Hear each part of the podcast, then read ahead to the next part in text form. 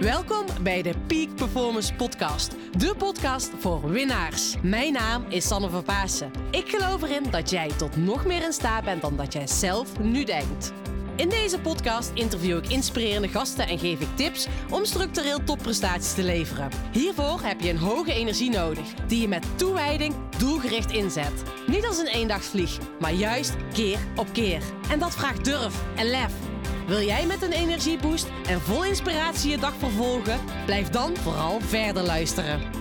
Come on and move your body now and feel the energy of life. Hey allemaal, wat tof dat jullie weer luisteren naar een nieuwe podcast. Nou, ik zit weer in mijn bos na een eh, hele mooie vakantieperiode waarbij ik even helemaal offline ben geweest. Ehm, ben ik weer en ik voel echt weer de energie stromen en de creativiteit stromen. En wauw, ik heb zoveel zin om aan de slag te gaan. Nou, eh, ik heb trouwens nog twee dagen, drie dagen vakantie in ieder geval. Het is donderdag. Ik ga maandag weer echt, echt aan de slag. Maar ik voelde vandaag van, joh, weet je, ik wil even deze podcast opnemen over familiesopstellingen, over systemisch werk, over mijn eigen proces. Omdat ik hier heel veel vragen over krijg van Sanne. eh, nou ja, wat is het? Hoe werk je hiermee? Eh, waarom is het zo waardevol? Wanneer kan je het toepassen? Ehm, en ook een stukje hoe ik het op mijn manier toepas. Hè. En als je mij al langer volgt, dan weet je dat ik niet voor niks een eigen bos heb. Eh, dat ik altijd met mensen, mijn sessies zijn in de natuur. eh, vaak op de fiets, op de mountainbike. Ik ontvang jullie altijd in mijn kantoor, dat het dus het bos is. Wat fantastisch is. En ik dacht, ik ga er gewoon eventjes een podcast over opnemen. Ehm, en het is voor jullie natuurlijk ook gewoon super waardevol. Ook als je mijn context erbij hebt. In die zin, eh, waarom het voor mij zo heeft geholpen. Ehm, nou, en daar gaan we dus in deze podcast mee aan de slag. Ehm, voordat we beginnen wil ik ook vast eventjes iets meegeven. Ik heb, ehm, nou, ik ga, ik denk dat ik niet heel vaak meer ga doen. Maar op eh, begin september voel ik hem nog wel. Eh, is dat ik een, een opstellingendag ga eh, organiseren met open inschrijving. Dus dat is fantastisch. Eh 10 september. Dus check even als je daarbij wil zijn. Ik verwacht echt dat hij zo vol zit. Omdat ik ook de klanten die al een één op één traject hebben lopen. Of die al een peak, peak performance traject doen. Eh, die gaan er sowieso, eh, krijgen zij voorrang en gaan ze, zijn ze erbij aanwezig. Eh, en ik weet dat ik, ehm, nou, ik heb pas al in een paar dagen georganiseerd zonder dat ik er überhaupt promotie voor heb gedaan. Dus die zit zo vol. Dus als je voelt van na deze podcast, ik wil erbij zijn. check eventjes nou, de link in de omschrijving en meld jezelf even daarvoor aan. Eh, mocht je 10 september niet kunnen, ehm, nou, check even. Misschien heb ik ondertussen al wat andere data gepland. Eh, en anders meld je even aan voor de wachtlijst. Dus dan weet je dat. Eh, dat dus. Nou, ehm, eerst even terug. Ik wil je meenemen in mijn verhaal. Een stukje van wat ik weet over ook hoe ik op, op jonge leeftijd. ehm, ik denk dat ik 19 jaar was, dat ik in aanraking kwam met familieopstellingen. Ehm, ik had, eh, nou ja, het liep even niet zo lekker met mijn ouders. Eh, maar ik ben op een boerderij opgegroeid. eh, waarbij familie super belangrijk is. Ook familietradities. Ehm, nou ja, en ik ging als jong meisje, eh, koos ik het pad van topsport. Daar heb ik enorm veel innerlijke motivatie voor nodig gehad van mijn ouders. Nou, ik weet nog dat goed dat mijn moeder ooit vertelde. Eh, toen ik zei van mam, ik ben geselecteerd voor een wereldbekerwedstrijd in Pijnakker. Ehm, nou ja, yes, dan mag ik naartoe. Ik was helemaal blij. Toen zei mijn moeder, nee, we hebben familiedag. Ik zei, mam, ik heb een wereldbekerwedstrijd. Weet je wat het is? Nee, je hebt familiedag. Je gaat er niet heen. Ik zei, ja, hallo. Nou, uiteindelijk ben ik er wel, eh, ben, heb ik deelgenomen aan die wereldbekerwedstrijd. Maar dat zegt iets over hoe belangrijk het voor mijn ouders was, die familietradities. Ehm, en ik ben zo blij dat ik al op zo'n jonge leeftijd echt mijn eigen pad heb gevolgd. Ondanks de weerstand die ik wel eens heb ervaren. Ehm, maar ik weet ook nog goed dat ik, ehm, nou ja, ik zat in de auto, ik reed naar mijn ouders toe. Oeh, ik voel dat meteen opkomen.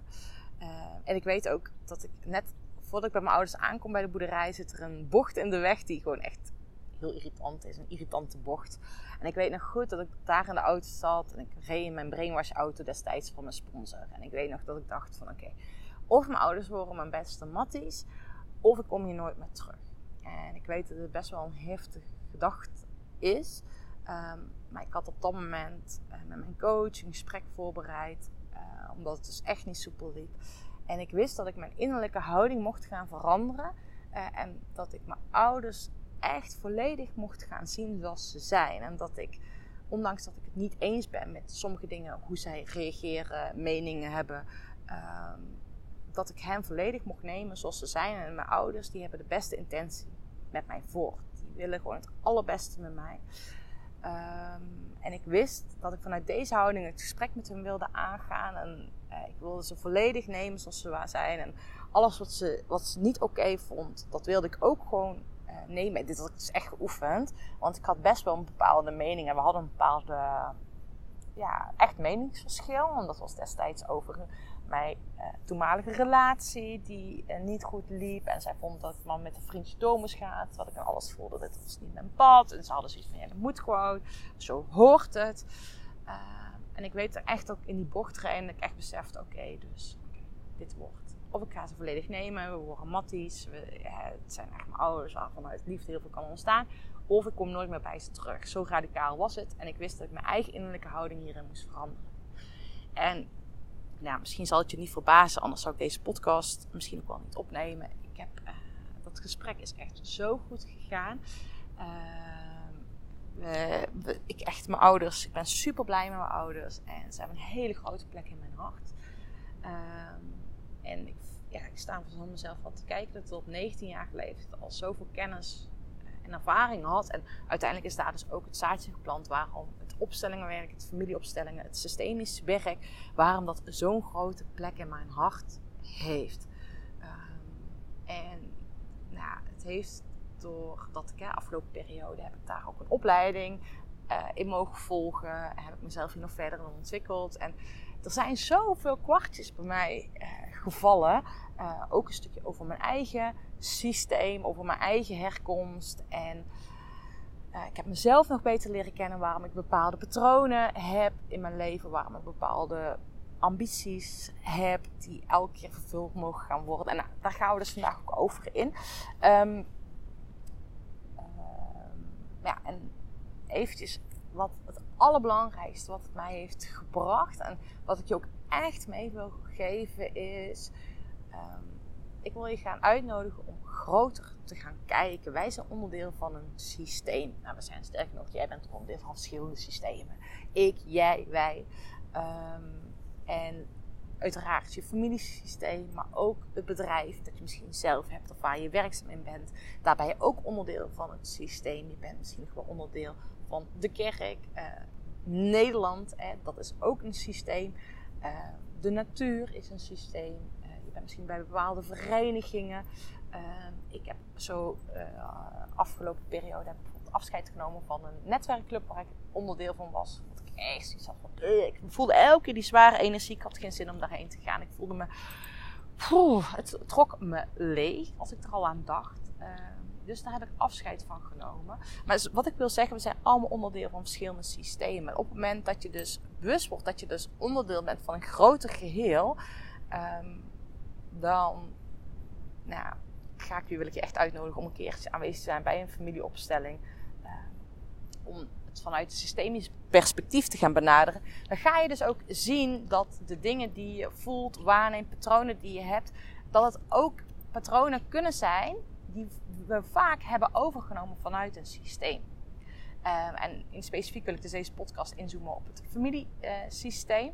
Um, ik ga ook nog een podcast over opnemen hoe het werkt met teams. Um, en nou, als je daar dus op die manier mee werkt, dat je dus ook in die systeemenergie dus bepaalde patronen kan overnemen.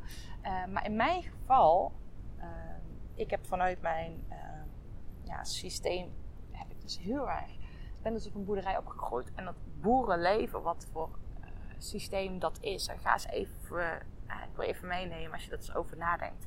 Kijk, mijn ouders, grootouders, overgrootouders. En ik verwacht al die generaties daarvoor, die hebben een hart in de boerensector, in de agrarische sector. Ehm, dus in mijn familiesysteem, ik trouwens beide kanten, zowel van mijn moeder als mijn vader, eh, heb ik dus een eh, agrarische achtergrond. En recent eh, was ik bij een opstelling aanwezig. Die ging dus ook met een thema over de agrarische sector. Er was een meisje die een vraag inbracht over eh, dat ze weer... eh, zij woonde zelf op de boerderij en zij voelde weerstand van de maatschappij. En dat zelfs relatieproblemen opleverde. Want diep in haar hart wilde zij goed voor de natuur zijn. Zij wilde eh, meer met bloemetjes en permacultuur en voedselbos bezig zijn. Eh, maar haar partner, die eigenlijk de scepter draait op de boerderij, die wilde gewoon geld verdienen. Die wilde gewoon met de massa mee. Of massa, nou ja, ook gewoon door de overheid zijn er bepaalde regels opgelegd. Eh, en wil je uiteindelijk geld verdienen met het boerensysteem, gaan, zijn we het dieren meer als productie gaan zien. En nou, zij bracht dat thema in en ik was erbij. En ik zat gewoon aan de zijkant. Ik stond niet eens in de opstelling. Nou ja, dat ga ik zo meteen ook al even uitleggen hoe dat dan werkt. Zijkant, niet eens onderdeel van de opstelling. Maar wat ik dus wil vertellen, ik ging me daar een partij zitten janken. Echt zo buitensporig. Ik resoneerde alles mee met die opstellingen, met die vraagstukken. En toen besefte ik me ook weer, diep van binnen in mij zit nog steeds de agrarische sector, nog steeds dat boerinnetje in mij. Ook de trauma's die zeg maar vanuit dat systeem, die ook nou, door wat er op dit moment allemaal speelt binnen de agrarische sector. Zitten allemaal trauma's. Zo'n beladen energie zit erin. Dat is ook onderdeel van mij. Ik merk dat ik daar ook heel erg veel met mij doet als mensen uh, die niks met de agrarische sector hebben, maar wel vinden dat het systeem veranderd moet worden. Dan denk ik echt, oh, dan gaan in mijn lichaam echt allerlei alarmbellen aan van zo makkelijk is het niet. Omdat je dus met heel dat systeem ben je helemaal mee verbonden. Um, nu zul je misschien wel denken, oké okay, Sanne, maar hoe werkt dat dan? En um, nou ja, hoe kan dat dan? Nou, laten we eventjes uh, beginnen. Uh, hè, van, joh, wat is een uh, familieopstelling? Daar begin ik gewoon eventjes mee. nou ja, kijk.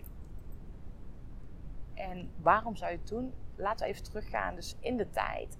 Ik vind ik altijd zo mooi. Ik heb zelf geen kinderen. Uh, maar ik voel me wel moeder. Daar heb ik al eerder podcasts over opgenomen. Ik geloof dat je niet echt kinderen precies fysiek hoeft te baren om jezelf moeder te voelen. Dat is een energie die volgens mij door je heen stroomt. Uh, en misschien komen er wel ooit kinderen, dat weet ik nog niet. Maar daar gaat die podcast ook over, over, uh, over moeder zijn. Um, maar als je dus naar kinderen zijn, kijkt, zie je dat ze zo puur zijn.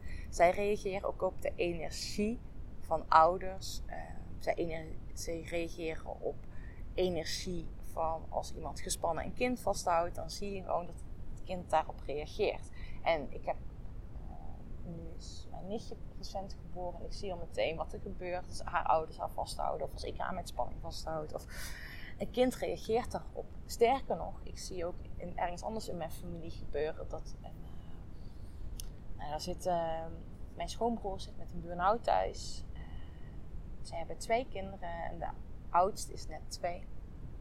En wat ik zie gebeuren is dat het kind mijn schoonbroer wil helpen, wil troosten. Die voelt aan alles dat het niet goed gaat met mijn schoonbroer. En je ziet hem letterlijk echt die helpende, helende beweging richting hem maken. Terwijl dit, trouwens geen helende beweging is. Dat is juist de verkeerde beweging. Als kind zijn hoef je ouders niet te helpen. Nou, dat zie je daar dus wel gebeuren. Maar als kind zijn, in de basis zijn we heel puur. Maar we gaan allerlei dingen aanleren. Omdat we... Hè, omdat we zo gewired worden. Uh, ook overlevingsmechanismen. We hebben allemaal ons trauma's, ons dingen die er gebeuren. Waardoor we dus leren, oké, als ik dit doe, dan krijg ik wel aandacht. Waardoor je bepaald geprogrammeerd wordt. Dus dat is waar die patronen in ontstaan. En als ik het even concreet maak, ik zag het van de week gebeuren bij mijn eigen moeder. Mijn, uh, mijn nichtje, dus haar oma, uh, spreek het dan over. Mijn nichtje was uh, boos, was echt haar eigen willetje. En toen van mijn moeder mocht mijn nichtje niet boos zijn. Terwijl, en dat is echt iets wat je als ouder echt iedereen laat iedereen zijn emoties voelen. Op, vaak lopen we van die emoties weg en worden we als kind ook geleerd. Je mag niet boos of verdrietig zijn. Stel je niet aan, tranen af en door. Uh, boos zijn doen we niet. En Dus mijn nichtje was boos en toen zei mijn moeder, kom maar, ga maar springen als een kikker en word maar vrolijk. En toen ging eigenlijk meteen die vrolijke energie toe, wilde ze dat het kind heen ging. Alleen dat werkte niet. Mijn, kind, mijn nichtje had ja hallo, ik ben boos. Dus ze ging echt zo op de grond liggen. En uh, ik weet, want ik stond op dat moment klaar om met haar in een bakfiets te gaan fietsen. Een heel ander verhaal was echt fantastisch om met haar in een bakfiets te gaan rijden. Vond ik echt superleuk. Um, nou, en toen ging ik met haar dus rijden. Of nee, wat ik tegen haar dus zei, joh, ben maar lekker boos. Ga blijf even in het hoekje zitten. Mag prima. Laat het maar gewoon zijn. Uh, maar weet, ik sta zo meteen buiten voor je klaar. En dan gaan we fietsen als je er klaar voor bent. En um, ik vond het super bijzonder wat er gebeurde. Weet je. Ik, gaf haar toestemming om gewoon te zijn wie ze was. En dat ze boos mocht zijn. En ik gaf het aan, joh, ik sta buiten klaar. Dus als we zo willen gaan fietsen. Echt, en binnen no time stond ze daar. Uh, klaar om met mij mee te gaan fietsen. En dat is wat kinderen dus aanvoelen. Maar ja, dus door um, als kind zijn gaan we ons programmeren. Omdat we willen handelen naar onze ouders. Hey, je hebt ook bepaalde overlevingsmechanismes die je dus activeert. En vooral als je dus bepaalde dynamiek waarbij ouders misschien verslaafd zijn, uh, onveilige thuissituaties of ouders afwezig zijn, waardoor een kind heel druk wordt omdat ze die aandacht nodig hebben. Ja, in mijn optiek ADHD, ik hou sowieso niet van labels, maar ADHD is in mijn optiek ook uh, ja, vaak ik zeg niet dat dat al iedereen over één kam kan scheren. Maar vaak ook een teken van dat ze gezien willen worden. Dat je afwezige ouders hebt. Um, dus uh, op het moment dat je dus gaat werken uh, met een familieopstelling. Dan krijg je inzicht in jouw familiesysteem. Dus uh, waar loopt... Waar stroomt juist de energie? Waar is die verbinding er? of waar is die niet? Of welke patronen komen voort uit je familiesysteem? Ben jij in staat om je ouders volledig te nemen zoals ze zijn? Of durf je niet naar je ouders te kijken? Of misschien ben je bang voor ze. Of misschien voor een van de ouders. En weet, weet je, jij bent 50% je vader en je bent 50% je moeder. En op het moment dat je onbewust, want dit is vaak onbewust, hè, vaak zeg je ja, met mijn klanten, ja, ik neem mijn ouders zoals ze zijn. Zeggen ze van uit zijn hoofd. Maar op het moment dat je dat onbewust je ouders niet neemt, of een van je ouders afwijst, uh, dan wijs jij jezelf ook af. Dus als jij een, misschien je vader of je moeder afwijst, dan wijs jij jezelf ook af. Want je bent 50% je vader, 50% je moeder. En hoe harder jij een van je ouders afwijst, hoe meer je er bij jezelf doet. En dan blijf je dus onbewust loyaal aan. En met een familieopstelling maak je dus helder, zichtbaar. Deze patronen maak je dus zichtbaar. Of je dus je, een van je ouders bijvoorbeeld een van je afwijst. Nou ja, kijk, en het is super belangrijk dat je ouders volledig kan nemen zoals ze zijn. Want als kind heb je niks te eisen. En dat doen we vaak dus wel. Onbewust eisen we iets van onze kinderen. Dus het ideaalplaatje is dat je je ouders kan zien, accepteren en nemen zoals ze zijn. Ook zijn, weet je, zij zijn ook niet perfect. En zij hebben met de beste intenties datgene gegeven aan jou wat ze hebben kunnen geven. Want zij zijn ook weer beperkt door hun opvoeding, door hun overtuiging, door datgene wat, ze, um, wat zij mee hebben gekregen. Dus het is heel erg belangrijk um, om hiermee aan de slag te gaan. En um, het helpt je, een familieopstelling kan je dus helpen om patronen los te laten. Zodat jij, we zien heel vaak dat bijvoorbeeld anderen aan het pleasen zijn. Of dat je jezelf onzichtbaar maakt, moeite hebt om zichtbaar te worden met jouw bedrijf. Of in jouw bedrijf. Of spreken in het openbaar. Of houdt jezelf klein. Misschien ook al het onzekere dat je hebt. Weet je, die patronen mag je loslaten. Of ook, ik zie ook heel vaak mensen zichzelf saboteren bij spannende dingen Die gaan ze uit de weg, doen ze niet. Nou, en daarom is het zo belangrijk dat je in staat bent om je ouders volledig te nemen zoals ze zijn. En nou ja, hoe zit het dan? Kijk, op het moment dat je bijvoorbeeld je vader afwijst of je moeder afwijst, dat heeft weer ook een andere impact op je leven. Uh, het vermogen van jou, hoe jij in staat bent om met je vader uh, te verbinden. Um, dat bepaalt hoe jij in staat bent om jezelf een plek in de wereld te geven. En hoe jij ook grenzen kan aangeven, maar ook hoe je op een gezonde manier grenzen kan verleggen. En je ziet ooit mensen ook die echt heel ongezonde grenzen hebben. eh, of heel makkelijk eroverheen stappen. En een grote kans dat die band met een vader niet helemaal oké is. Dat de vader niet op de juiste plek is. Ehm, en op het moment eh, dat je dus je vader afwijst, heb je ook moeite met gezien worden. Ehm, dan vind je het ook lastig om je eigen podium te pakken van jouw leven. Ik werk heel vaak met een podium in mijn hoofd. Dus daarom is die, ehm, die band of die verbinding met je vader super belangrijk. Ook om die gezonde daadkracht te hebben. Ehm, nou, en aan de andere kant, als jij jezelf nog beter met je moeder verbindt, of misschien je moeder afwijst, dan grote kans, dan heb je ook moeite met de liefde en liefdesrelaties in je leven. Andere relaties met je leven. Ehm, dus hoe in het mate dat jij in staat bent om je moeder een, de juiste plek te geven, ben je ook in staat op een gezonde manier om te geven en te ontvangen. Dan raak je, ga je ook af van dat please gedrag wat je misschien wel hebt.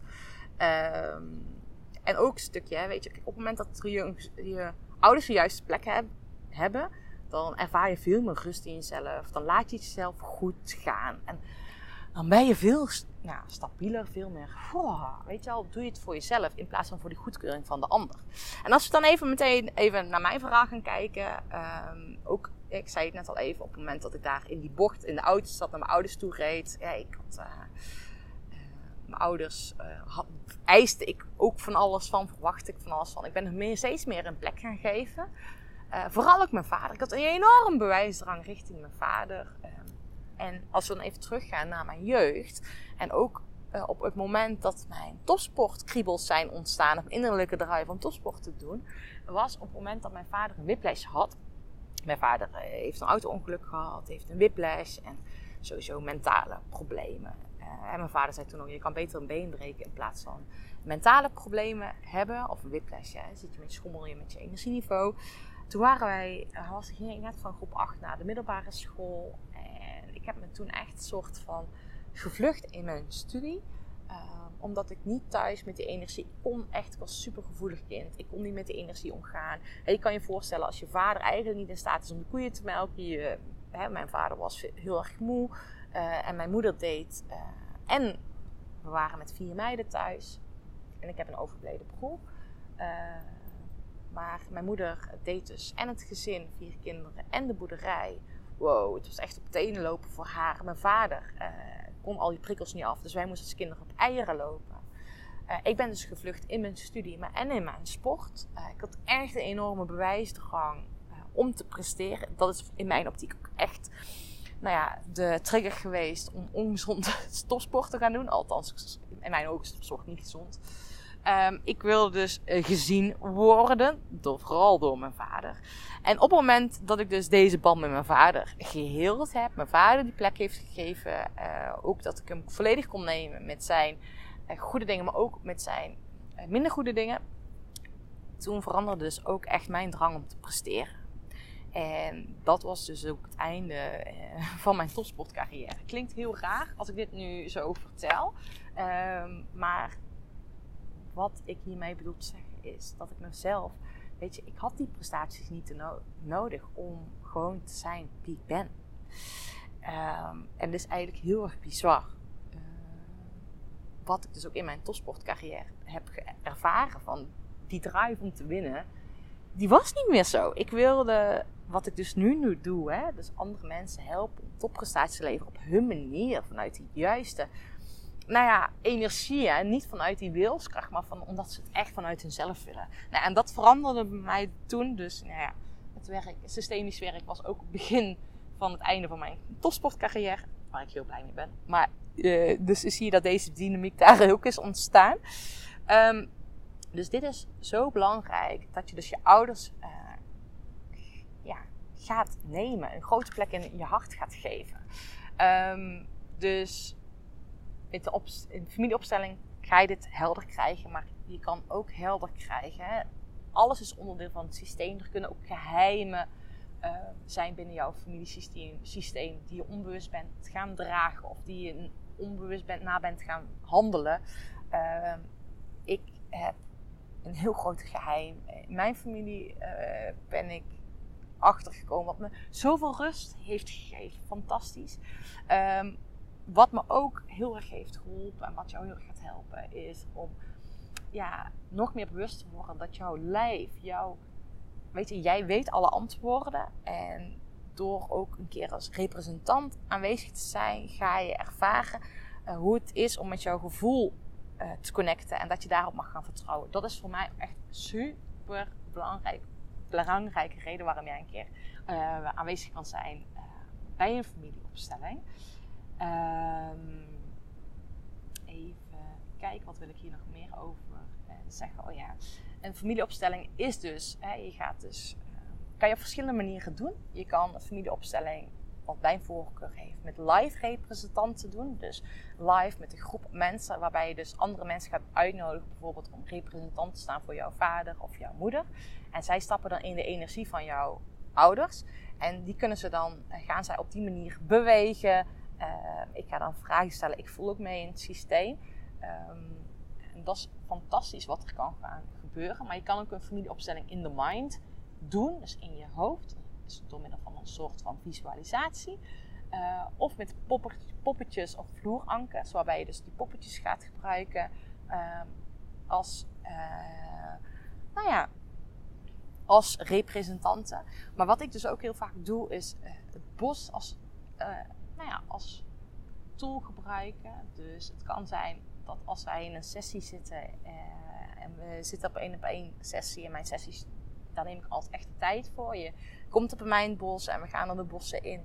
Uh, en het kan zijn dat ik ineens voel van oké, okay, maar dit patroon hebben wij systemisch werk voor nodig. Om dat te doorbreken. Uh, dus kan het ineens zijn dat we in de bossen een opstelling aan het doen zijn. En dat is fantastisch, want dan speelt de natuur ook ineens mee. Dus ik zeg dat ook wel eens, weet je, dat. Uh, nou ja, dat je altijd krijgt wat op dat moment nodig is. Een van mijn klanten was bij mij hier en we zaten in de camper. En het regende enorm. En op een gegeven moment hadden we een mooi gesprek in de camper gehad. We gingen naar buiten. En op een gegeven moment voelde ik van oké, okay, we moeten hier een opstelling gaan doen. We gingen een opstelling doen. Uh, en daarbij kwam echt naar voren dat uh, nou ja, hij eiste nogal wat van zijn moeder. Uh, hij was ook al, al, heel jong had hij de positie. Zijn vader was veel afwezig geweest, waar hij door de oudste zoon in huis de positie van vader in had genomen. Dus eigenlijk te veel taken, verantwoordelijkheden als, die als ouder eigenlijk moet nemen, had hij gepakt. Ook ten opzichte van zijn uh, broers en zussen. Uh, dus hij was als het ware opgestegen, zoals Els van Stijn dat zegt. Hè. Je bent eigenlijk boven je ouders kom je te staan, waardoor jij als kind een te grote verantwoordelijkheid hebt. Nou, het was echt nog steeds stromende regen. Uh, we hadden het in de opstelling helder gemaakt. Het was fantastisch. Hij kwam ook echt tot inzicht. Oh joh, ik heb echt als kind zijnde al heel snel geen echt kind meer kunnen zijn. Um, hij had veel meer mogen spelen, maar dat was door de situatie thuis. Um, had, was hij het spelen ontleerd. Um, en toen gingen we verder met fietsen en er lagen dus heel veel plassen op water op het pad. En ik zei op een gegeven moment tegen joh, weet je, we houden op met coaching, want uh, hè, het is al, uh, er is al genoeg gebeurd nu. En op een gegeven moment zei Sanna, ik wil heel graag in die plassen water springen. Misschien raad ik te zeg. Ik oh, dan doen we dat toch gewoon. Maar eigenlijk moest ik diep van binnen moest ik gniffelen. en waarom ik dat zei... Uh, ja, of waarom ik moest kniffelen. Nou ja, hij stapte echt letterlijk in die kindpositie. Hij wilde weer gaan spelen. Hij wilde weer kind zijn. In die plassen water springen. Dus dat was gewoon fantastisch wat er op dat moment gebeurde. Uh, nou, dat is zo mooi als je dus met de natuur en met de elementen van de natuur dus ook werkt. Um, maar het systemisch werk, het, het, hè, je gebruikt als het ware het veld. Hè. Vaak maken we keuzes, willen we patronen doorbreken vanuit ons hoofd. Maar die keuzes, uh, vaak kunnen we dat niet alleen met ons hoofd. Hè. Weet je, er is meer dan alleen ons hoofd om keuzes mee te maken. Denk aan je lichaam. Hè. Je bent zelf een systeem met je lichaam, je lijf. Uh, ook de fysieke krachten die komen nooit zomaar ergens vandaan. Um, maar je hebt ook je intuïtie. Daarnaast heb je nog het grotere geheel, het veld om je heen.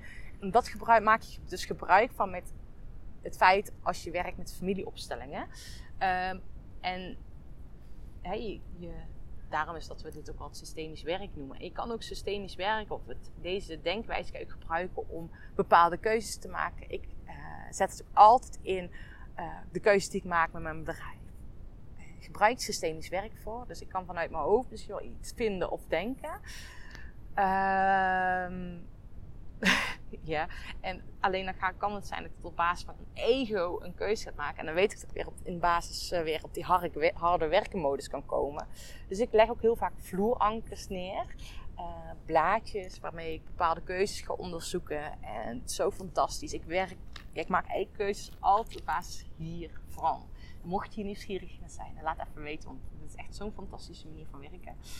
Um, nou, ook eventjes nog terug van wanneer kan je nu het beste... Uh, wanneer is een familieopstelling interessant?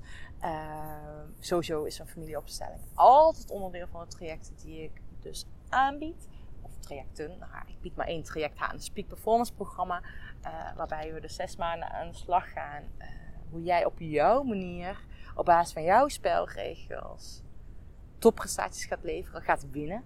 En in mijn ogen win jij als je echt doet waar jij gelukkig van wordt. Dus, hè, die spelregels gaan we helder maken.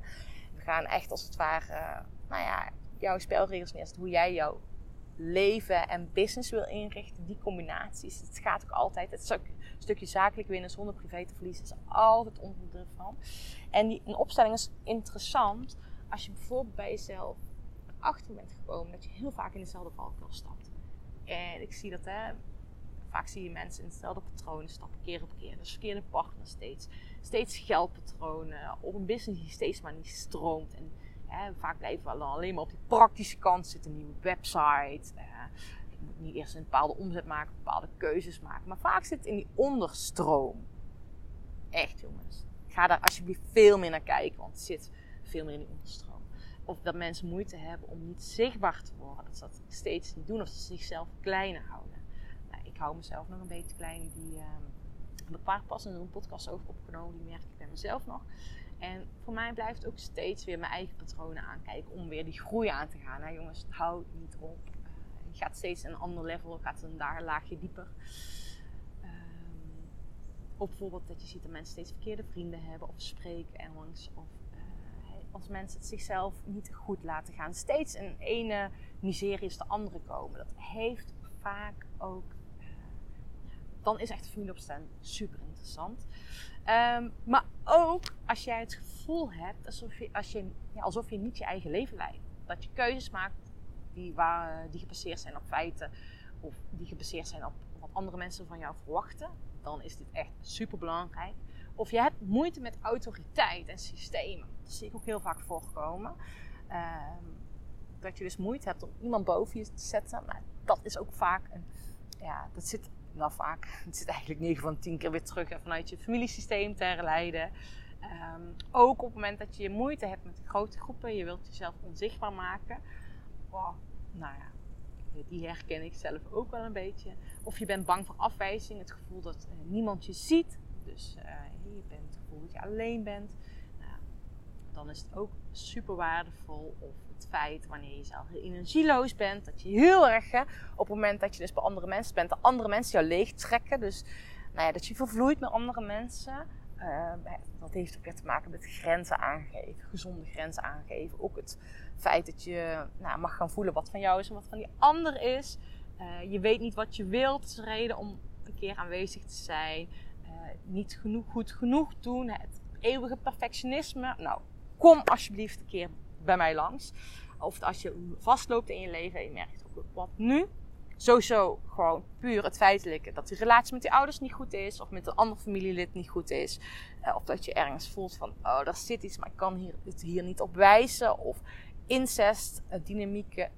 Die is echt, ga alsjeblieft een opstelling doen. Um, of dat er ongelukken in je familie zijn gebeurd.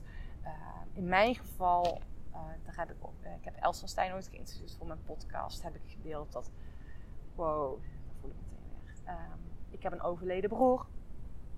Ik deel hem eventjes kort hier, te voelen dat dat mag. Um, ik heb een overleden broer. Uh, mijn broer is in november geboren. Ik ben in oktober geboren. Dus mijn moeder is ongeveer meteen zwanger geworden van mij. En ik heb er recent met mijn moeder over gesproken. Ze heeft daar niet goed over gerouwd. Uh, destijds geadviseerd. Echt zo bizar. Je moet maar snel zwanger, weer zwanger worden, want dat is het beste remedie om over ja, een eh, te vroeg geboren kindje over te komen die ook dood is. Eh, ik heb aan het begin van mijn eh, jeugd heel erg geworsteld met eh, het meisje zijn. Of ik was echt wel meer het jongensmeisje. drumband. Ik wilde niet, wilde liever gaan voetballen. Ik was boos dat ik op korfbal moest. Eh, allemaal van die dingetjes. Eh, merk dat nu nog steeds. Dat mijn voorkeur is om vanuit die mannelijke energie aan de slag te gaan. Eh, maar ja, ik wist als kind zijn helemaal niet dat ik een overleden broer had. Ik weet eigenlijk niet eens wanneer dat mij verteld is. Ehm, maar ja, dat heeft wel een enorme impact gehad op, op mij, ook op mijn moeder. Dat mijn moeder ook wel afwezig is geweest. Zij heeft het nog steeds niet echt verwerkt dat ze ook nog een overleden zoon heeft.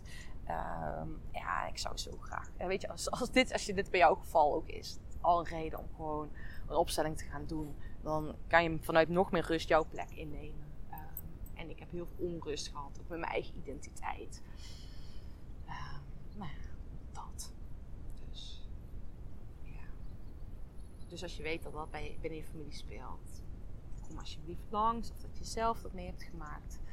Ehm, ook een reden om een familieopstelling te doen. Als je relatieproblemen hebt, of je eh, verlatingsangst, bindingsangst hebt. Eh, of, zoals ik ook had, een enorme prestatiedrang. Ehm, dat je echt het gevoel hebt dat je, ja, om jezelf waardig te voelen of goed genoeg te voelen, dat dat afhankelijk van die prestaties is. En dat hoor je ook al mede omdat ik mijn eigen verhaal hierin ook deel. Nou dat zijn dus ook verschillende momenten van je leven dat er dus andere patronen zijn waaruit je basis, of waarop basis van jij gaat handelen. Tijdens een opstelling eh, komt datgene naar voren wat op dat moment voor jou de belangrijkste factor is. En het is belangrijk dat je niet meteen verschillende opstellingen achter elkaar gaat doen, maar dat je een opstelling ook door laat werken, want het gaat op energetisch niveau werkt het door. Ehm, en je ziet echt gewoon dat daardoor uiteindelijk je kan merken dat er meer rust komt. Of dat er een bepaalde een relatie met iemand beter wordt. Of de relatie met jezelf. Dat je minder bewijsdrang komt. Of dat je meer vertrouwen hebt. Zo fantastisch hoe dat doorcijpelt. Eh, en ik heb al zoveel mooie voorbeelden die ik ervan kan gaan noemen. Eh, ja, die dus daarin eh, gaan, eh, naar voren gaan komen. Dus dat zijn eigenlijk de redenen waarom je dus met een opstelling mee kan gaan doen. Eén hele belangrijke reden die ik dus vergeet te vertellen, maar die zo belangrijk is, is die ik iedereen gun eh, om gewoon als representant bij een opstelling aanwezig te zijn. Eh, alleen al het feit dat je jezelf bewust wordt dat we in ons lichaam zoveel meer waarnemen wat van andere mensen is. Dat wij op het moment dat je dus uitgenodigd wordt om onderdeel te worden van een systeem, als je bijvoorbeeld als representant wordt gevraagd om onderdeel te worden van iemand anders familiesysteem, dat je daar dus eh, informatie vanuit oppakt, gevoelens, emoties, misschien dingen die je wilt zeggen, lichaamshoudingen, die echt resoneren met dat. eh, Met die persoon uit dat familiesysteem. Ik heb zo vaak al gehoord bij de opstelling die ik heb begeleid. Wow, jij kijkt precies hetzelfde als mijn vader. Of ja, je spreekt dezelfde woorden. Het is echt bizar. En door dit te ervaren, ehm, iets wat ik iedereen gun om nog meer bewust van te worden, is dat wij, we hebben niet alleen ons hoofd, maar ons lichaam, ons lijf, eh, onze in- intuïtie spreekt ook. En die geeft jou informatie door. En als we daar bewust van worden en mee gaan spelen en daarin ook onze grenzen gaan bewaken, ehm, nou, dan merk je dat je veel steviger in je schoenen gaat staan. Ehm, wat wil ik nog meer vertellen over, over het, een opstelling, doen familieopstellingen. Eh, nou ja, ook het feit eh, met een van mijn klanten, het is heel belangrijk dat we in staat zijn, hè, dat we zowel kunnen ontvangen en kunnen geven. Ik had pas een klant waarvan ik vroeg van ben je in staat om te ontvangen? En zei, er sprongen meteen tranen in zijn ogen en hij wist niet waarom. Eh, ik voelde alles. Ik, weet dat hij best wel heftig op 11-jarige leeftijd is zijn moeder in coma gekomen en zijn moeder is 7 jaar in coma gelegen. Dus die relatie met zijn moeder was onbewust. Hij zei vanuit zijn hoofd is goed, ik accepteer haar en dat is prima, maar onbewust zat er nogal veel eisen onder. Die band met die moeder is natuurlijk op onbewust niveau in mate in, in hoeverre je dingen kan ontvangen. Hij grote ondernemer, een succesvol bedrijf. Maar ja, dan is juist ook belangrijk dat je in staat bent om hulp te ontvangen. Dat medewerkers voor jou mogen werken. Dat je niet alles zelf hoeft te doen. Nou, dat heeft hiermee te maken. Dus het is zo prachtig. Ehm, dus ik wil je echt uitnodigen van kap met jezelf te focussen op die praktische kant. Ehm, als je zakelijk wil winnen zonder privé te verliezen. Wat je zakelijk ook wil winnen. Kap met meer omzet. Volgende promotie, nieuwe auto, nieuw huis. Groter, meer, meer, meer. Hè, of een extra opleiding een nieuwe website. Eh, maar ga kijken van joh, wat speelt er onder die oppervlakte? Wat maakt het dat je het gevoel hebt dat dat datgene is wat je nodig hebt? Gaat het om die zichtbaarheid? Gaat het om jezelf nog meer erkennen? Toestemming te geven om jezelf? eh, om echt jezelf te zijn? Of misschien toestemming geven om volledig je ouders te nemen zoals ze zijn? Wat speelt daaronder? En mocht je daar nieuwsgierig zijn of hulp bij nodig willen hebben, graag nodig je uit voor 10 september. Dan ga ik een opstellingendag doen. Eh, ik kijk er naar uit. Ook om jou te ontmoeten. Wie weet, tot dan. En mocht je nog vragen hebben naar aanleiding van deze podcast, nou, ik weet, er gaan sowieso vele mooie andere podcasts hierover gebeuren. Komen, ehm, luister die. Eh, luister ook het interview met Elson Stijn. Eh, ik heb volgens mij pas ook een andere podcast over opgenomen over mijn eigen proces. Fantastisch. Dus eh, stay tuned. Dankjewel voor het luisteren. En eh, tot heel snel. En mocht je denken, oh ja, iemand anders, voor diegene is dit heel erg waardevol dat hij deze podcast luistert. Stuur die gewoon even door. Vind ik super tof. Eh, want ik voel van mijn manier, ik weet gewoon, deze podcast die gaat voor heel veel andere mensen nog meer impact maken. Dus dat is mijn missie. Ik wil mensen hier meer bewust van laten zijn. En dat kappen met high performance, ga voor peak performance, ga naar jezelf kijken, tijd voor jezelf nemen. Dat. Hey, hele fijne dag. We spreken elkaar en mocht ik je ergens mee kunnen helpen of een vraag hebben of wil je mij een berichtje sturen, stuur me een berichtje. Ik ben dichterbij dan. Hey, doei doei! Bedankt voor het luisteren van deze podcastaflevering. Ik vind het zo gaaf dat je tot einde bent gebleven. Nou, daar wil ik je natuurlijk ook voor bedanken. Ik wil nog twee dingetjes meegeven. Ga naar mijn website toe. Daar heb ik een toffe weggever staan waarbij ik je help vol energie je doelen te realiseren. Moeiteloos, recht op de finish af en ik help je zakelijk winnen zonder privé te verliezen. Nou, ik zou zeggen, ga eventjes eh, naar mijn website en daar vind je deze gratis download. En ik help je dus echt mee om recht op de finish af te gaan. En daarnaast wil ik je vragen, want het is mijn missie om nog meer mensen, om duizenden mensen te inspireren met deze podcastshow. Dus maak even een screenshot, deel het op social media, tag mij. Ja, en ik vind het dan ook weer leuk om jouw verhalen weer te delen. Dus deel mijn inzicht, of jouw inzichten van deze podcast en dan zie ik deze ook weer voorbij komen.